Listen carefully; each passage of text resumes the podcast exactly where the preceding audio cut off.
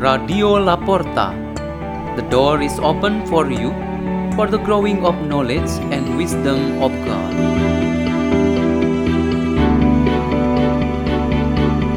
Delivered by Father Peter Tukan, SDB from Salesian Don Bosco, Gerak, Labuan Bajo, Diocese of Ruteng, Indonesia.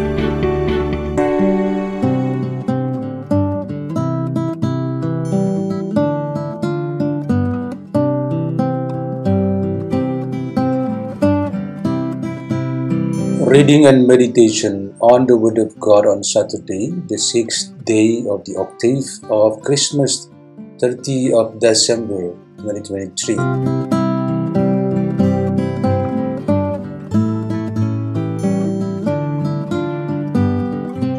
A reading is taken from the Holy Gospel according to Luke chapter 2, verses 36 to 40.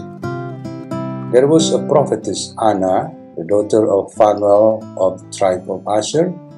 She was advanced in years, having lived seven years with her husband after her marriage, and then as a widow until she was 84. She never left the temple, but worshipped night and day with fasting and prayer. And coming forward at that very time, she gave thanks to God and spoke about the child to all who were awaiting the redemption of Jerusalem. When they had fulfilled all the prescriptions of the law of the Lord, they returned to Galilee, to their own town of Nazareth.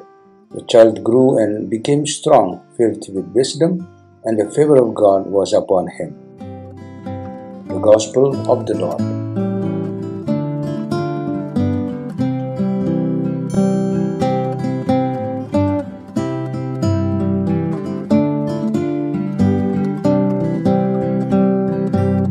The theme for our meditation today is Perseverance Gets Paid. Today we encounter another figure to be the example for us about obedience and practice of love, namely an elderly female prophet named Hannah. The baby Jesus had met the old man Simeon, and now he met the old woman. This encounter was a sign for the realization of waiting for the liberation and salvation of the people of Israel who had been waiting for it so long. This widow elderly woman experienced two serious emptiness of life. The first was the fate of her nation Israel that had been for a long time needed to become a comfort and peaceful nation. The second was that she no longer had a husband who was expected to give her comfort and security in life. Being a widow was clearly difficult and a bad sign that really tormented. She then chose to fill up these two emptiness with full dedication to serve in the temple for the rest of her life.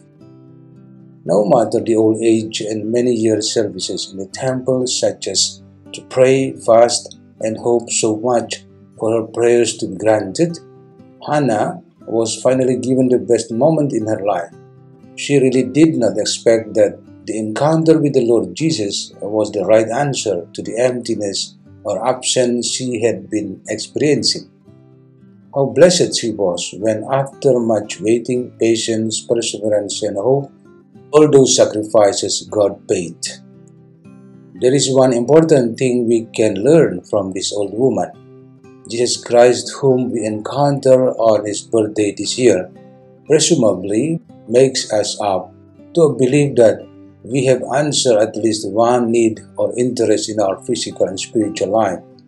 All the perseverance, patience, waiting, hope, sacrifice, and struggle that you might have offered this year or years ago, presumably at least one of which that is answered this year. What's that thing? Let each of us find a moment to communicate it to Jesus. Also, share it with someone we trust. Why do you have to share that achievement? Because Hannah has given an example as well as Simeon.